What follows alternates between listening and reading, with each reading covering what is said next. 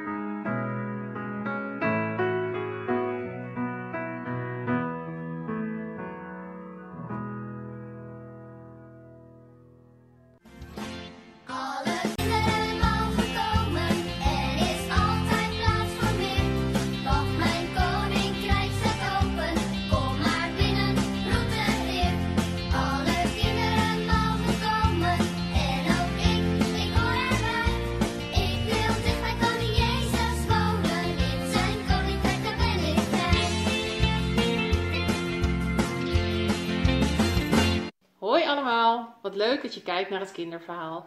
Fijn dat je erbij bent. Ehm, ik ben heel erg benieuwd hoe het met jullie gaat. Of het goed gaat met jullie. We hebben elkaar natuurlijk nu al zo lang niet gezien. En ik hoop dat het allemaal heel erg goed gaat met jullie. En dat jullie het nog heel erg naar jullie zin hebben. Maar ik hoop natuurlijk ook dat we elkaar heel snel weer in het echt mogen zien. Volgende week gaan jullie lekker weer de hele week naar school. Ik ben ook benieuwd of je het leuk vindt. Dat je weer de hele week met je vriendjes en vriendinnetjes kunt spelen. Dat je het toch ook wel een beetje jammer vindt. Maar goed, nu is het tijd voor het kinderverhaal. En zoals jullie misschien kunnen zien, was ik lekker aan het kleuren. En om te kunnen kleuren heb ik potloden nodig. En als ik nou eens zo naar die potloden kijk, dan zijn ze eigenlijk een beetje saai. Ze zijn allemaal een beetje hetzelfde. Ze zijn lang, dun, dezelfde kleur. Wat maakt zo'n potlood nou zo bijzonder? Nou, dat is niet de buitenkant zoals je kunt zien. Maar dat is wel de binnenkant.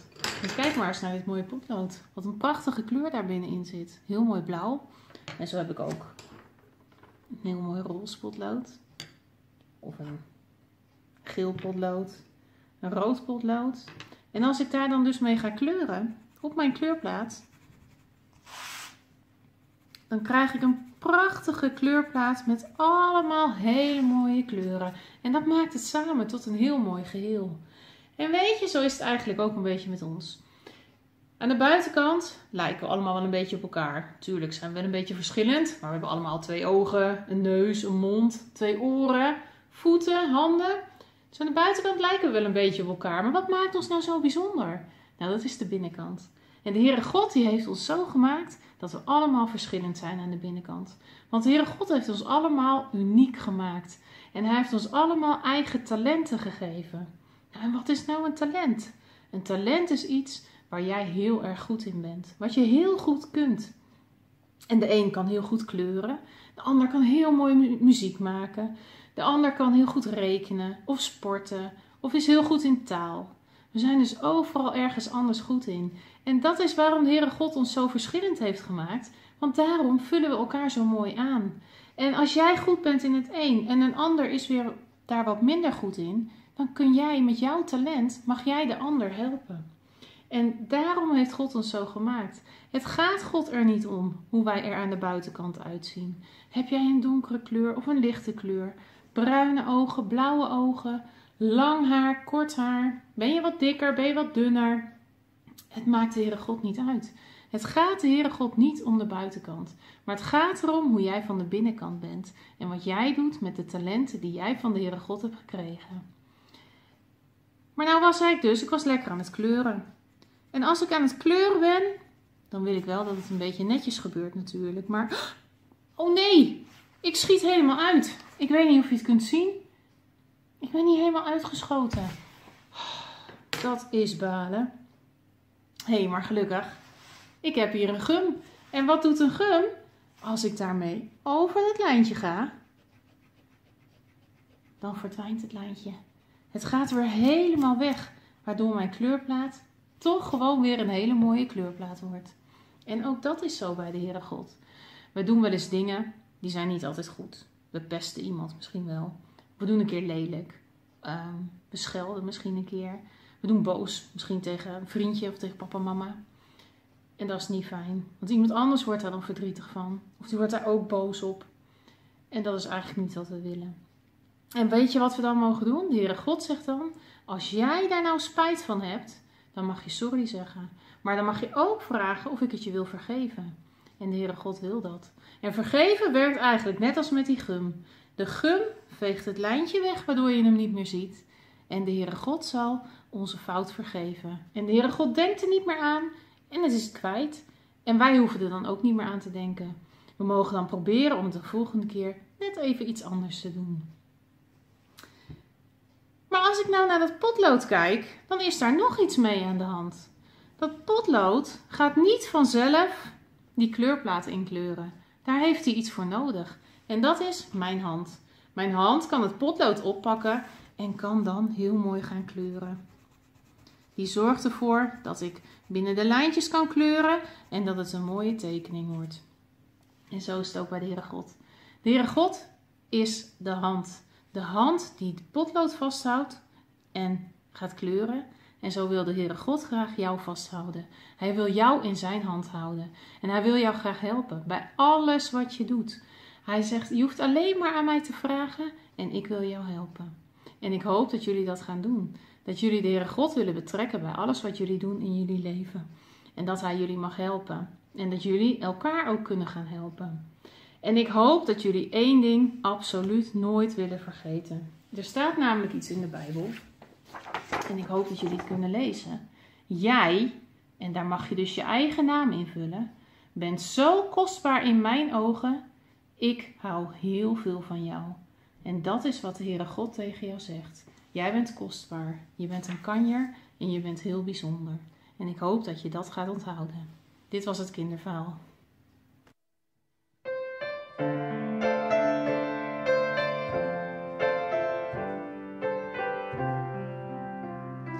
grote man.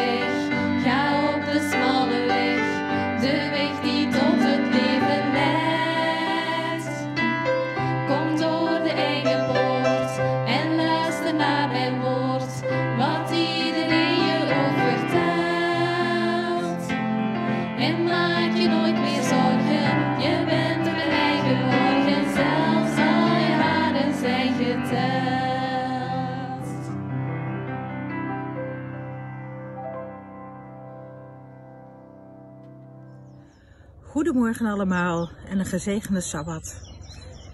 Ik wil samen met u lezen Lucas 9, de versen 57 tot en met 62.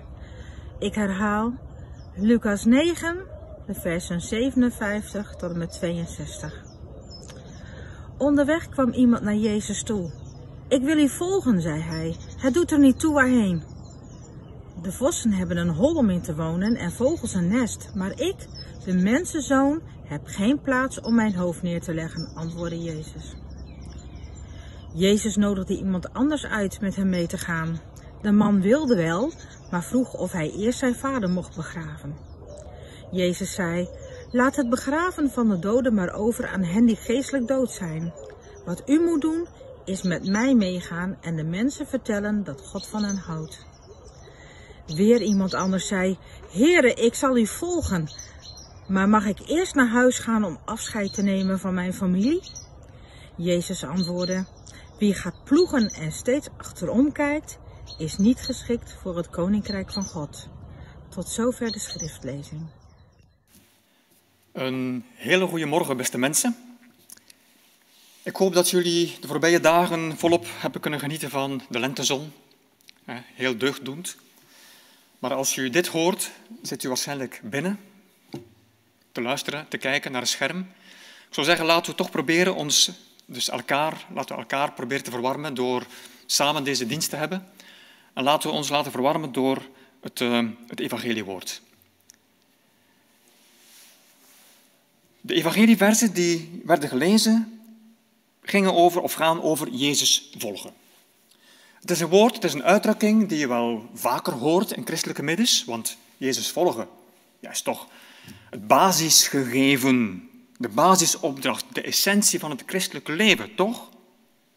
En tegelijkertijd kan het een, een, hoge, een, een huizenhoog cliché zijn. Follow Jesus. Maar wat betekent dat in de, in de praktijk, ook voor ons, 21ste eeuw? En wat bedoelt Jezus precies? Ik weet niet hoe u reageerde of reageert op die versen die werden voorgelezen. Ik herinner mij de eerste keer dat ik met die tekst werd geconfronteerd, dat ik dacht van, wow, nee toch. Meen je dat nu, Jezus? Echt? Het klinkt zo hard, zo onverbiddelijk. Zijn reactie zo lijkt zo hard naar mensen toe die toch heel oprecht lijken en die van goede wil lijken te zijn. Want Lucas vertelt dus dat drie mensen vragen om Jezus te kunnen of te mogen volgen. En natuurlijk zegt Jezus niet, uh, nee, dat moet, je, dat moet je niet doen, dat gaat zomaar niet. Natuurlijk zegt hij dat niet.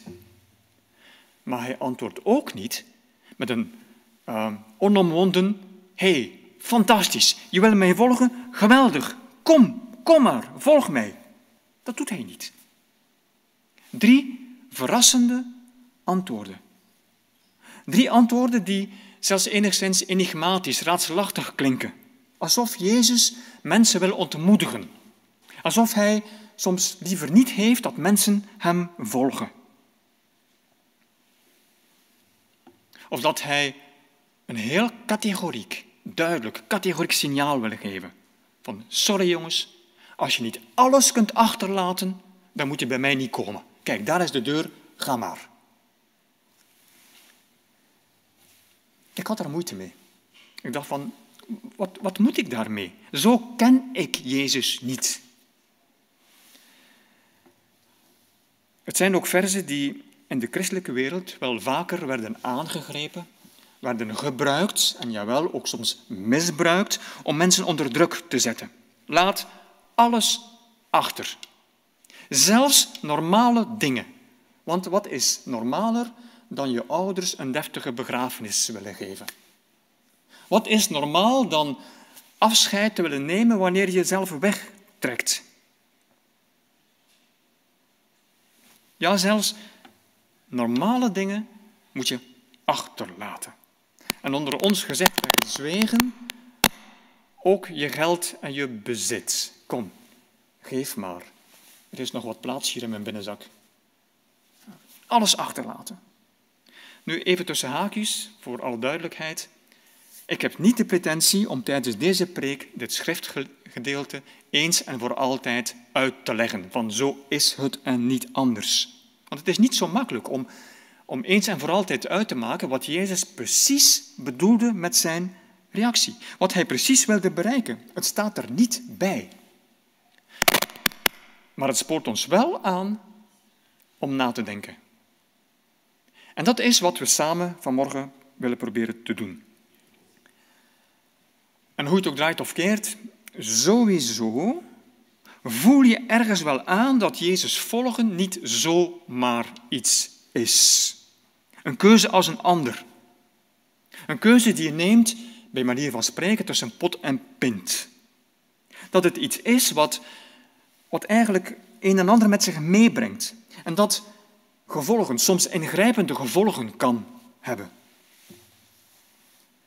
Nu, dit gezegd zijnde, laten we eens kijken naar de eerste man. Hij komt bij Jezus en zegt, ik zal u volgen waarheen u ook gaat. Hij klinkt enthousiast. Waarheen u ook gaat, ik wil u volgen. Geweldig. Zo'n enthousiasme.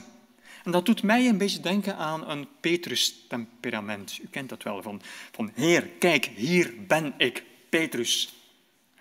Zeg maar, ik volg, ik doe, vol zelfvertrouwen.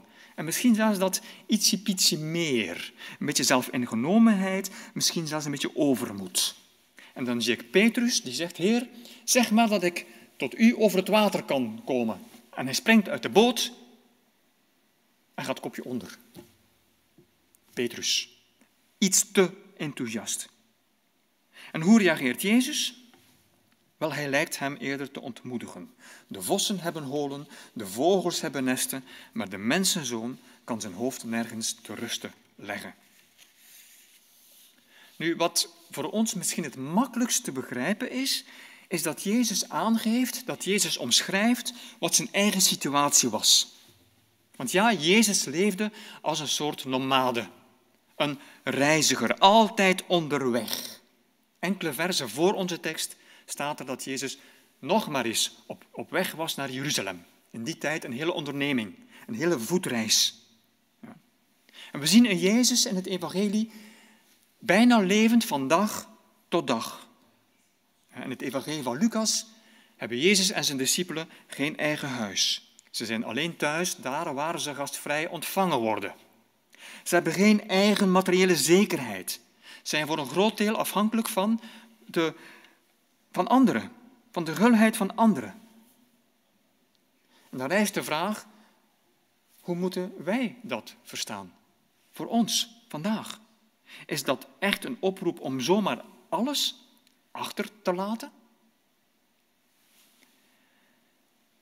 Wel, het klinkt in ieder geval als een waarschuwing. Maar een waarschuwing waartegen? En ik heb de indruk dat het een waarschuwing is die kerken niet altijd hebben gehoord. Een waarschuwing tegen glans en glitter, tegen zucht naar inkomsten, naar rijkdom, naar verrijking, naar um, steeds groter wordend bezit, eigendommen, gebouwen, een bankrekening die aandikt. En laten we eerlijk zijn, als dat het geval is, dan komt dat preken over zalig de armen niet echt oprecht over. Dan ligt dat moeilijk. Maar er is meer dan dat.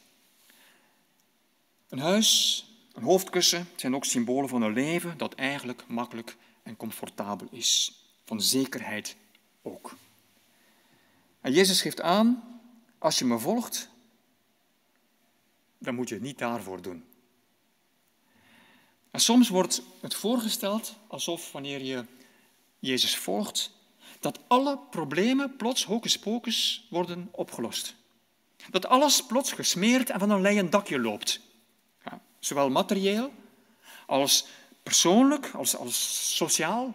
Alles loopt dan goed. Volg gewoon. Want als volgeling kun je bidden. En je weet, als je goed bidt, word je gezegend. Makkelijke zegen. Dan kun je op beide oren slapen. God zal het wel doen. Maak je maar geen zorgen, God zal het doen. Zullen we eens eerlijk zijn? Ik weet dat er veel mensen zijn onder jullie, goede gelovigen, die weten, die ervaren hebben dat het in de realiteit niet zo werkt. En zeker niet systematisch zo werkt. En natuurlijk kan geloof een innerlijke zekerheid geven, een innerlijke rust schenken. Kan geloof ook geestkracht geven en moed en wijsheid en sereniteit. Maar dat, dat betekent niet dat Jezus volgen garant staat voor een luizenleventje. Van alles komt vanzelf. In vele gevallen blijft het leven een strijd. Op velerlei manier. Ook al kun je ook dan die innerlijke rust en zekerheid ervaren. Een kracht ontvangen. Vossen hebben, hebben holen, vogels hebben nesten met de mensenzoon.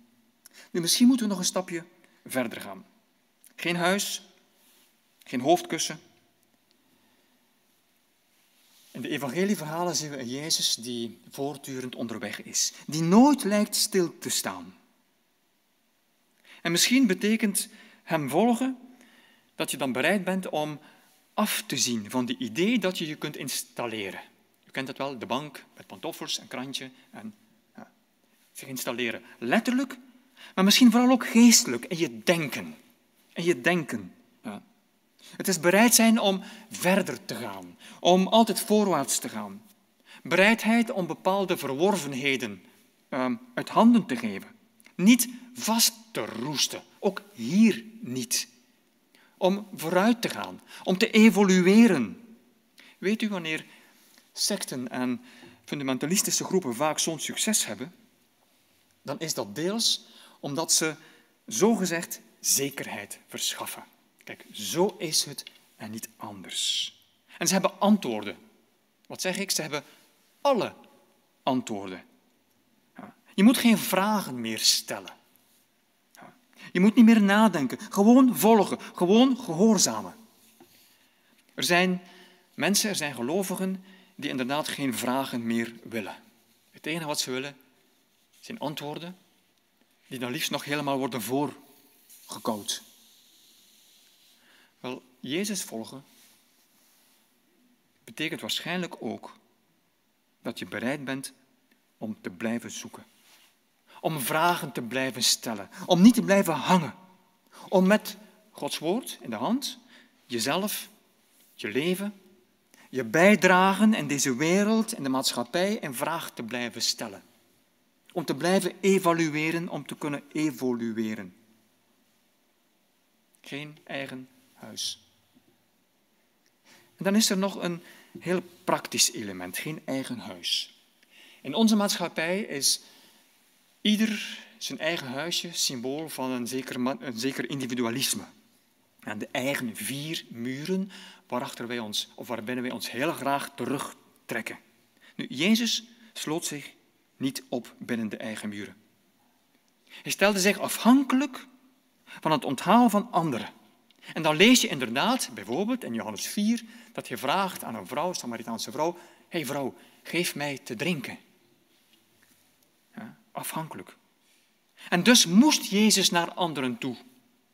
Nu, naar anderen toe gaan, sowieso was dat wat hij maar al te graag wilde, want hij had zelf zoveel te geven, zoveel te bieden. Wij kennen vandaag dat woord cocooning.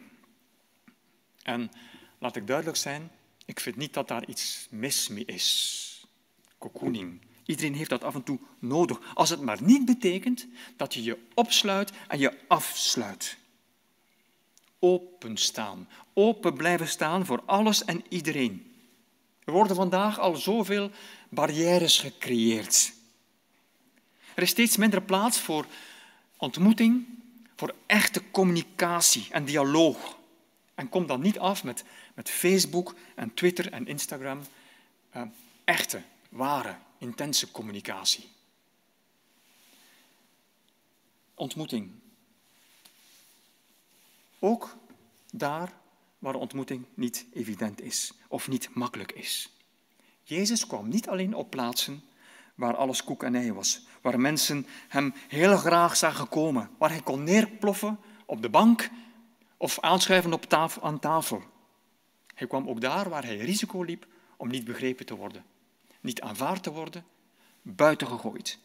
Hij kwam zelfs op plaatsen waar zijn leven werd belaagd. Misschien betekenisvol. Heel kort voor ons tekstgedeelte komt Jezus met zijn discipelen in een Samaritaans dorp. En ze worden niet aanvaard, ze worden weggestuurd. En de apostelen zijn verontwaardigd. Dat vinden ze ondraaglijk. Heer, zullen we vuur uit de hemel laten neerdalen over die Samaritanen? Jezus keert zich om en bestraft zijn discipelen. En zegt, jullie weten niet met welke geest jullie zijn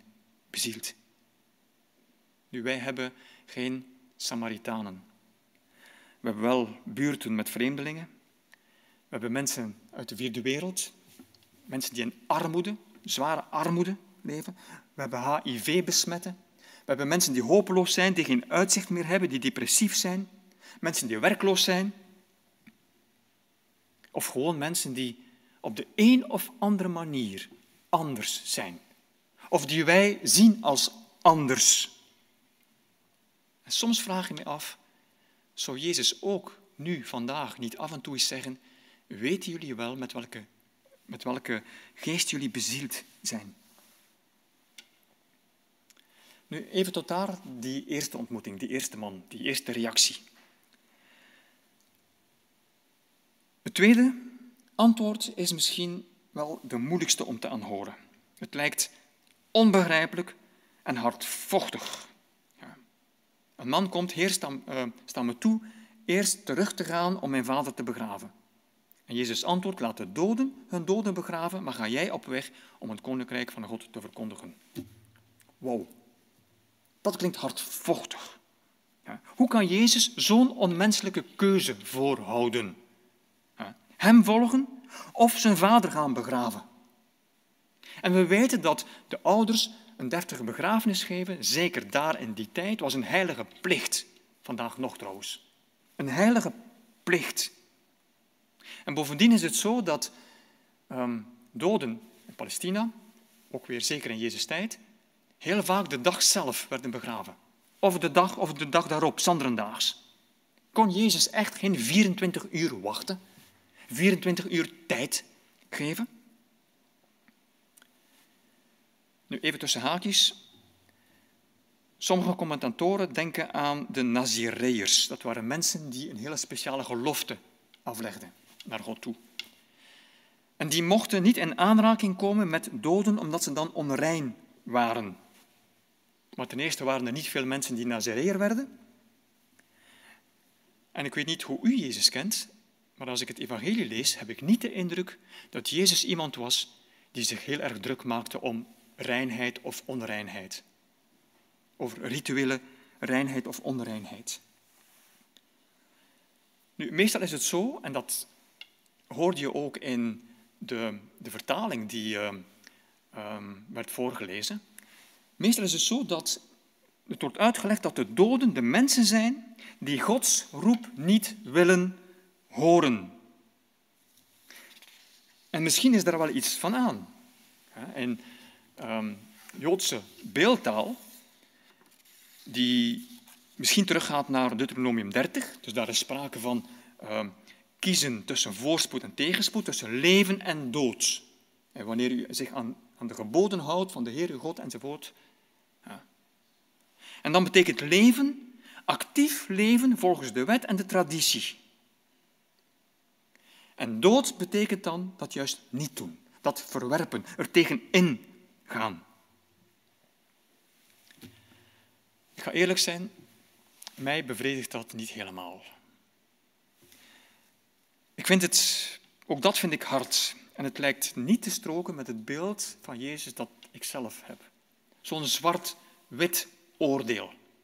Zo'n zo'n hele categorieke afwijzing van dat zijn geestelijk doden. Ik heb het daar moeilijk mee. Ik weet niet of het klopt. Maar er zijn ook andere mogelijke invullingen. En ik wil die toch even meegeven. Eén ervan zou kunnen verwijzen naar de aartsvader Abraham.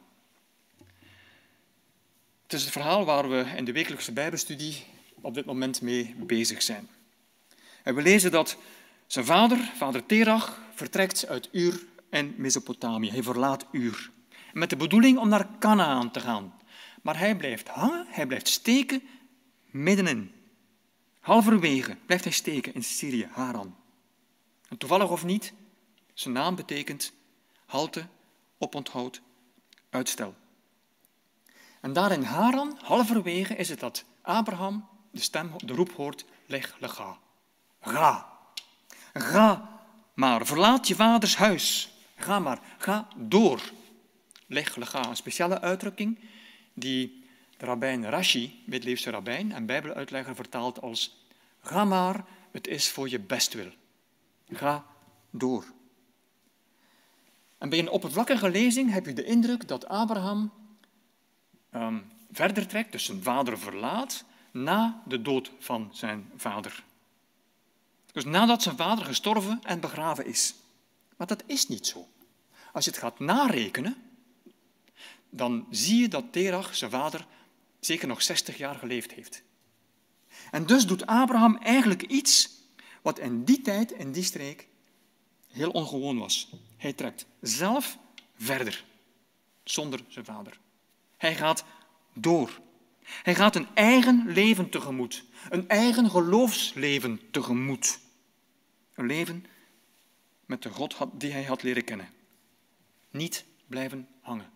Niet blijven steken in het verleden, maar blijven groeien. Blijven ontdekken. Niet bij verworvenheden blijven staan. Niet altijd makkelijk, ook niet voor een kerk. Niet blijven hangen. In onze kerk hoor je vaak de roep, we moeten terug naar de pioniers. Niet blijven hangen. Want dan wordt al te vaak vergeten dat de tijd niet stilstaat. En de wereld staat niet stil. En de samenleving staat niet stil. Leg, ga. Ga door. Ga door.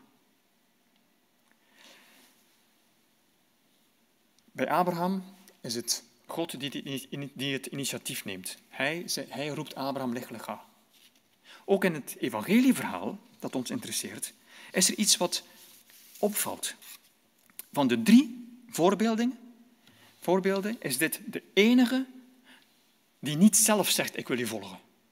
Maar Jezus zegt tot hem, volg mij. Tegen een ander zei hij, volg mij. Jezus is het die het initiatief neemt.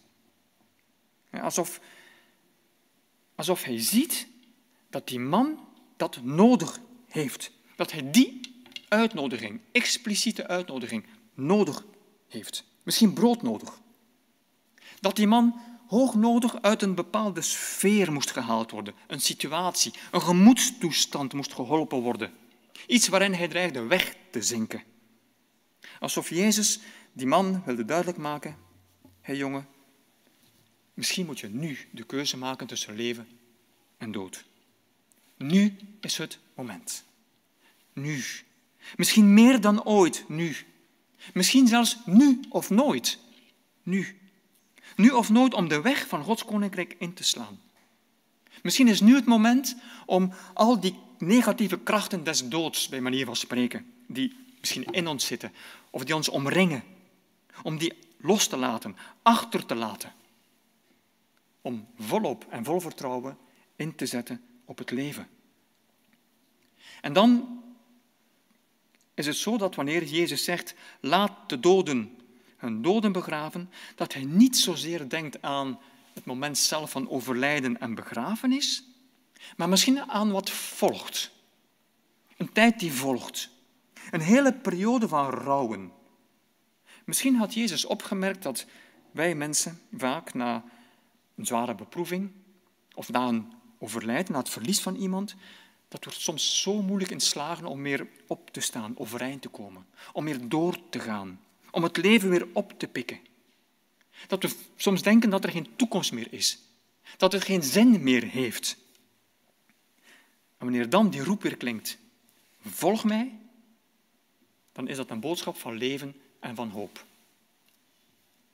En nee, Jezus bedoelde niet dat wij geen laatste eer zouden mogen brengen aan onze overledenen. Of dat we niet zouden mogen rouwen.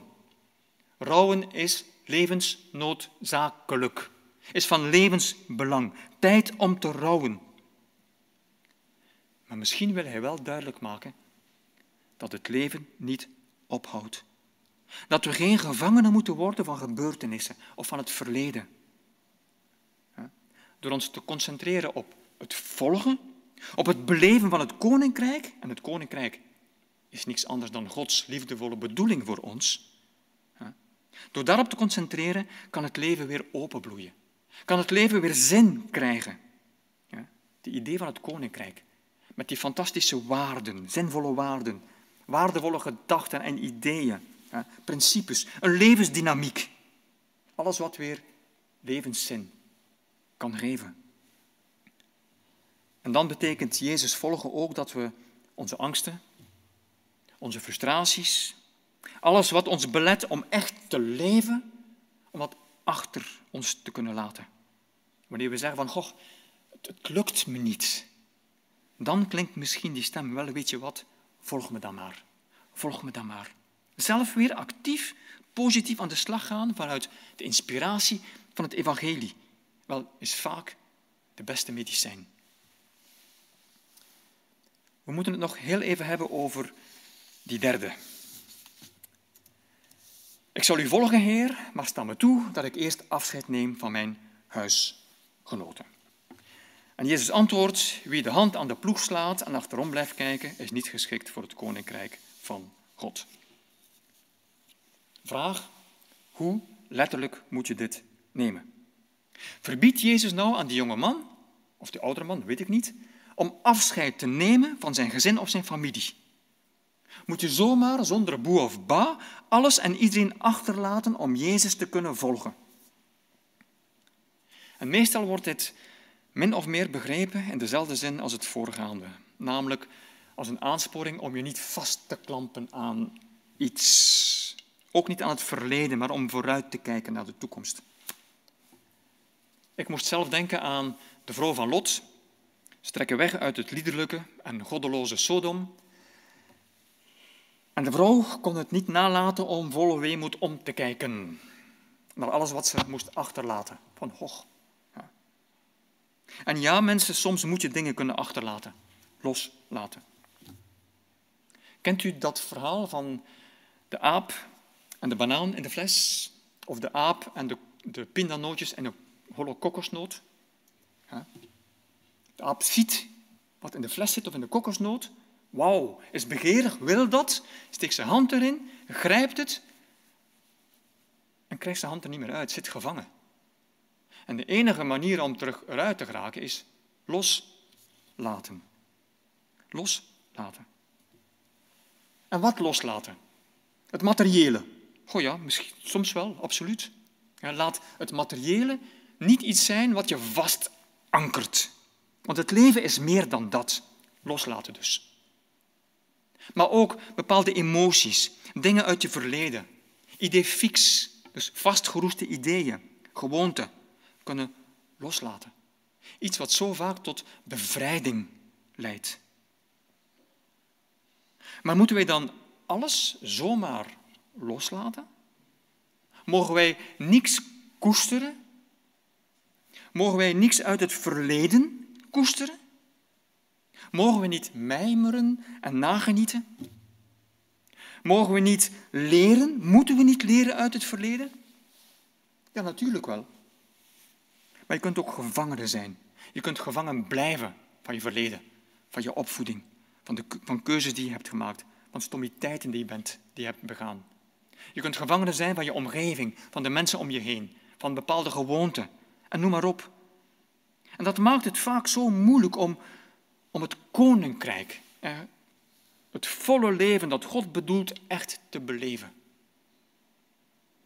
Er is een, een vers waar ik heel erg van houd in het Evangelie van Johannes, hoofdstuk 10, vers 10, waar hij zegt, ik ben gekomen om leven te geven in al zijn volheid. Leven in al zijn volheid. Daar droomde hij van. Daar droomt God van voor ons. Maar het is ook aan ons. Nu, laten we heel, heel even nadenken over het beeld van die ploeg. Misschien suggereert dat beeld ook nog iets anders. Ons ouderlijk huis bevond zich op zo'n 200 meter van een boerderij en die hoorde toe aan de oom en tante van mijn moeder. Ja. En dat was fantastisch. Wij konden, iedere keer als we wilden, konden we daar naartoe gaan en helpen. Hoog op de hooiwagen en, en, en noem maar op. Schitterend. Zalige herinneringen. Fantastisch. Ja. Nu, in mijn kindertijd gebeurde het ploegen met zo'n boerenpaard. Zo'n kent dat al zo impressionant. Ja, Zo'n kloek boerenpaard, een trekpaard. In Jezus' tijd met os of met ezels. En wij mochten af en toe ook dat paard mennen. Enkele voren trekken. Als je dat vergelijkt met vandaag, vandaag zitten landbouwers hoog op hun tractor. Ja, hoog en droog. En ze kijken heel regelmatig achterom, want de ploegschaar hangt achter de tractor. Dan moeten ze heel vaak achterom kijken, achter zich kijken, om recht te voren te kunnen trekken. Met paard of ezel en os is het anders, ook in Jezus' tijd. Daar loopt het paard voor je uit. En achter het paard, en nog altijd voor je uit, de ploegschaar. Alles gebeurt voor je. En als je je werk goed wil doen, moet je voor je uitkijken. Naar het paard, naar de ploeg en naar het einde van het veld. Waar het einde van voor moet komen. En misschien heeft Jezus antwoord daarmee te maken. Veel meer met de aandacht, de concentratie die je opbrengt bij wat je doet. En Jezus voorbeeld is iemand die voortdurend omkijkt, iemand die niet echt bezig is met zijn ploegen, met zijn werk. Die het eigenlijk niet serieus neemt.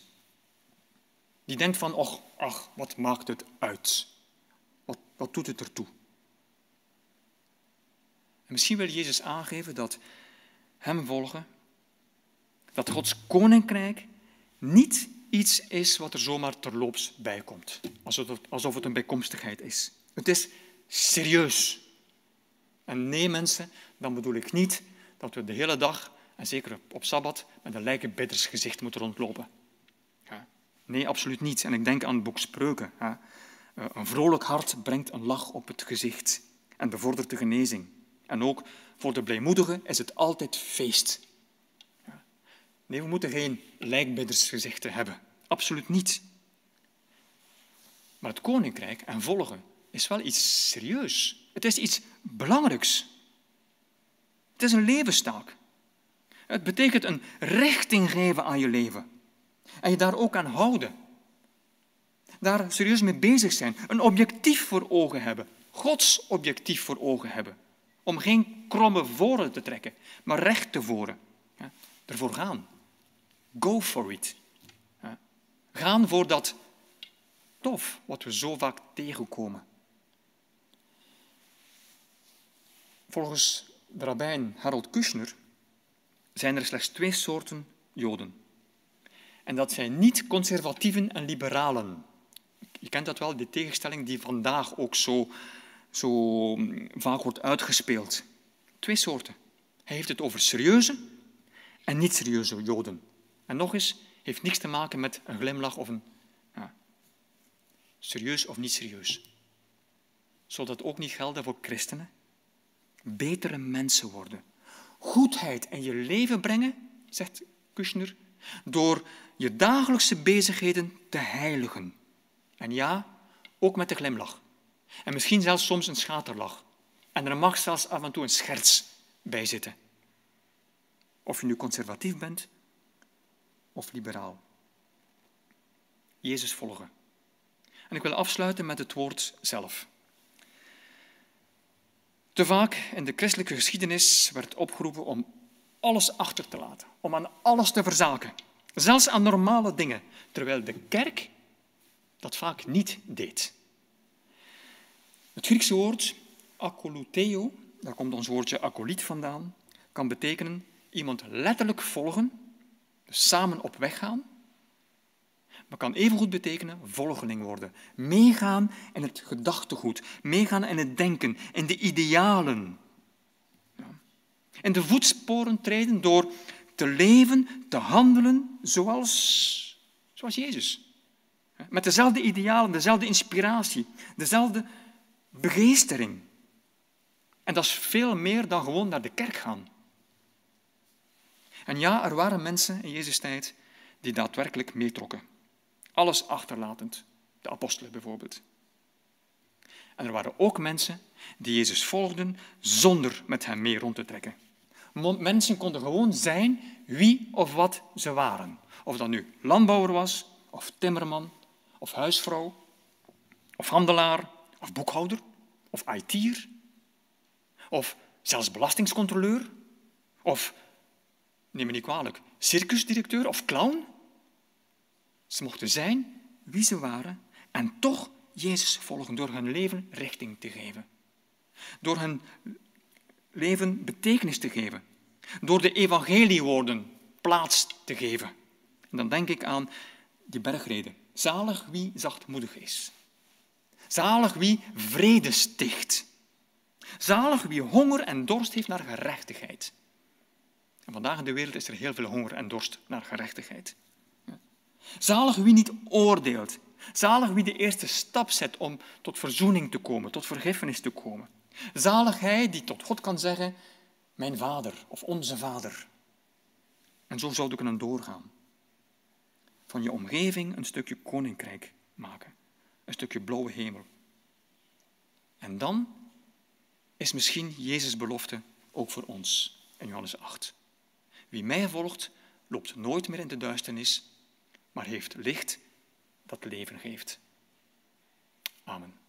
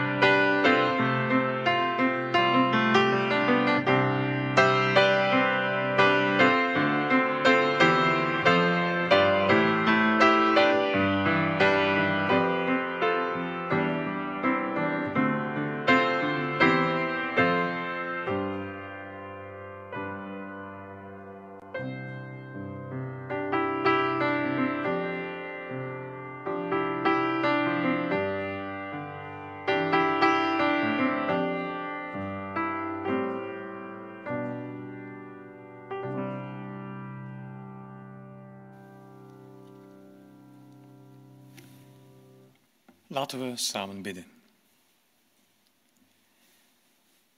Heer God, aan de ene kant klinkt die oproep om Jezus te volgen zo vertrouwd. Je hoort het zo vaak, ook, ook in een preek. En toch is het niet altijd evident. Want hoe moeten we dat invullen, concreet, vandaag, in ons leven? In een wereld, in een maatschappij waar zo weinig nog vanzelfsprekend is en waar zeker geloof en godsdienst niet evident zijn. En er klinken zoveel verschillende stemmen. Het wordt zo verschillend ingevuld met allerlei verwachtingen en eisen. En soms wordt er zoveel van ons gevraagd en verwacht, ook vanuit de kerk. En soms lijkt het nooit genoeg of nooit goed genoeg.